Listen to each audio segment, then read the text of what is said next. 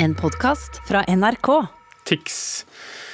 Flere måneder har han holdt på med den kjente pelsen og englevingene og pyroeffekter, og det har gitt resultater for Andreas Haukeland, som eh, var med på delfinalen i den internasjonale finalen i Melodi Grand Prix i går kveld. Eurovision Song Contest. Eh, han har egentlig vunnet allerede, føler han selv. Det er det største jeg har opplevd noen gang. Fordi for en gangs skyld, etter å ha jobbet i motbakke helt siden jeg startet med musikk, så er hele Norge samlet bak meg mens jeg er her i Nederland under en pandemi. Sa artisten Tix rett etter semifinalen i Eurovision. Men la oss nå spole tilbake. Til ca. klokka kvart på ti i går kveld. Dette blir utrolig spennende. Lykke til, Tix! Vi er klare. Altså, det, det sto rett og slett ganske mye på spill for ham. For han har eh, han har jo gått høyt ut i Norge. Robert Hoftun Gjestad, musikkanmelder i Aftenposten, var i Rotterdam og beskriver Tix sin opptreden slik.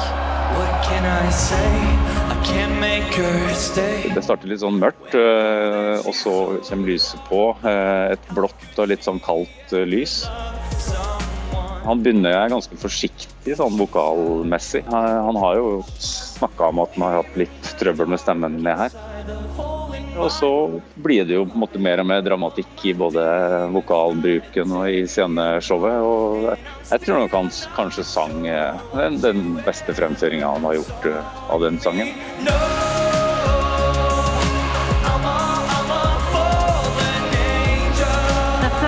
country that is guaranteed a place in the grand final is Norway! Beklager! Vi var først ute! Andreas!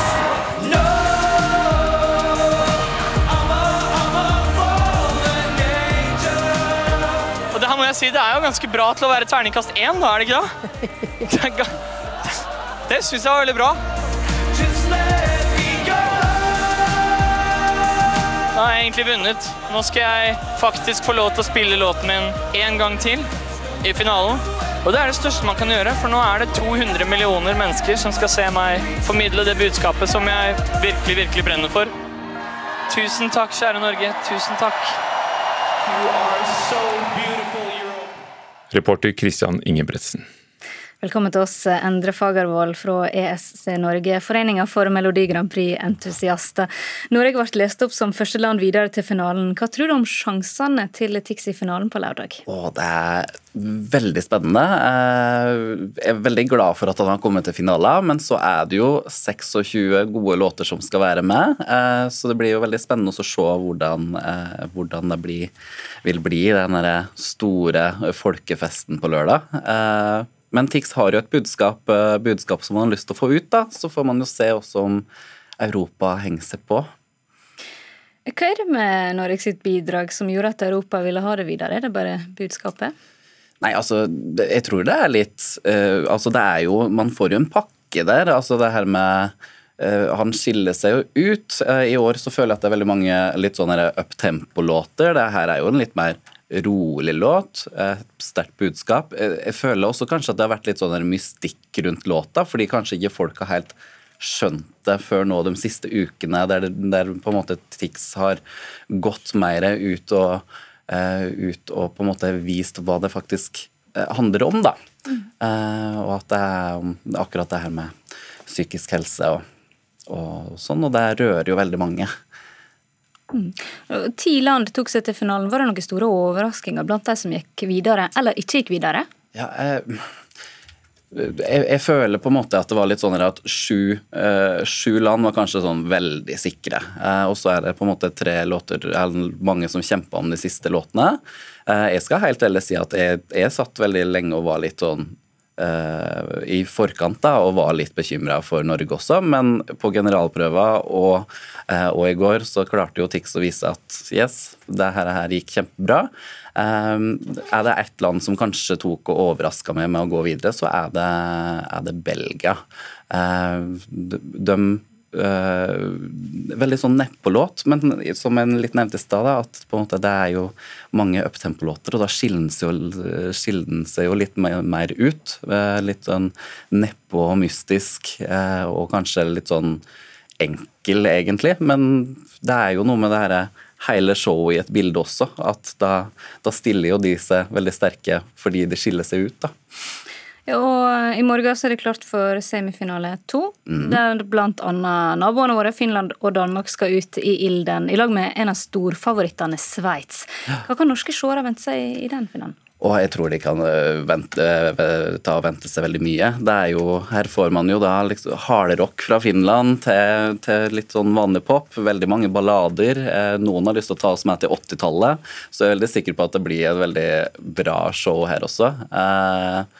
Etter min mening så var kanskje den semifinalen i går den sterkeste semifinalen, men det er veldig mange gode favoritter her også, så folk bør absolutt bare følge, følge med. Og du er klar for fest på lørdag? Jeg er veldig klar for fest. Hvem tror du vinner? Det er jo det jeg syns er litt gøy i år. For jeg føler ikke at det er noen som på en måte skiller altså, Det har pleid å være én sånn storfavoritt. Nå har jeg litt flere. Så Frankrike, Italia og Malta er liksom mine tre, da. Så det blir litt mer spennende i år, altså. Ja, jeg syns det. Takk skal du ha, Endre Fagervold fra ESC Norge. Den store biografien om den amerikanske forfatteren Philip Roth ble stanset fordi eh, forfatteren av den, Blake Bailey, hadde mm, da gått fra å være en nærmest litterær helgen til å bli utstøtt pga. anklager om seksuell trakassering.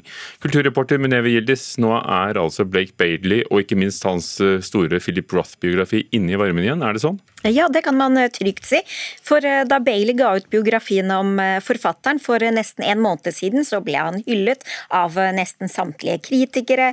Et mesterverk kalte New York Times det, og Washington Post stemplet biografien som intet mindre enn en, en biografisk trumf for eh, den 57 eh, år gamle forfatteren, som har skrevet flere biografier før også. Og så havnet jo boka veldig raskt på bestselgerlistene, og kom i eh, andre opplaget også.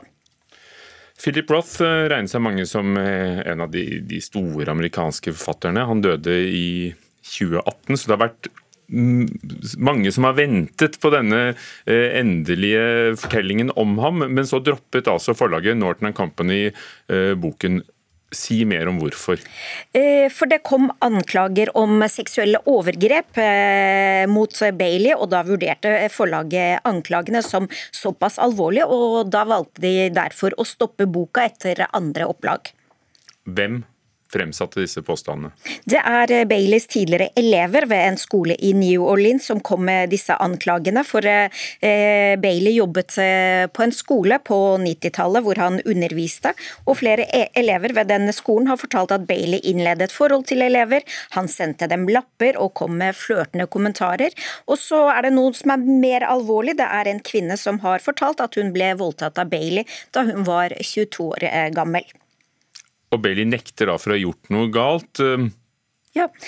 Advokaten hans eh, Han sier eh, at varslene er absurde, og at dette ikke har skjedd. Så nå har et annet forlag kommet på banen og utgir den store Roth-biografien? Det stemmer. Det er The Guardian som melder at Skyhorse Publishing har meldt seg på banen, og 15.6 kommer Baileys, Baileys store Roth-biografi i butikk igjen. Dette er jo et forlag som har spesialisert seg litt på dette. De ga ut Woody Allens eh, selvbiografi, som har blitt stanset av et annet forlag, med en lignende bakhistorie. Hva sier de nå? Hvorfor går de inn på dette? De har foreløpig ikke kommentert hvorfor de har valgt å trykke biografien eh, nå. Takk skal du ha. Muneve Gildis. Nino Haratsjivili er født i Georgia i 1983, men hun bor i Tyskland og skriver på tysk. Det åttende livet, hennes første roman på norsk, er et bredt anlagt epos som utspiller seg over hele det førre århundret, med ei familie i den georgiske hovedstaden Tiblisi som utgangspunkt. Og Tiblisi det er jo eh, ganske spesielt, for det ligger langt øst, men har en veldig tidlig kristen historie. De gamle romerne var der. En europeisk hovedstad langt øst for det sentrale Europa. Knut Hoem, du har lest uh, boken. Hva sitter du igjen med etter de 1200 sidene? Dette er jo eh, som å komme hjem fra et kurbad, med, der man har fått forelesninger i europeisk historie ved bassengkanten eh, hver dag. Eh, Nino Haratsjvili skriver jo veldig sanselig og sensuelt og iblant skrekkelig. og Dette er en roman som eh, ville varme opp min frosne nordiske sjel, og som lyktes med det. En um, mytisk og da kanskje magisk oppskrift på sjokolade står sentralt. Dette låter også mystisk.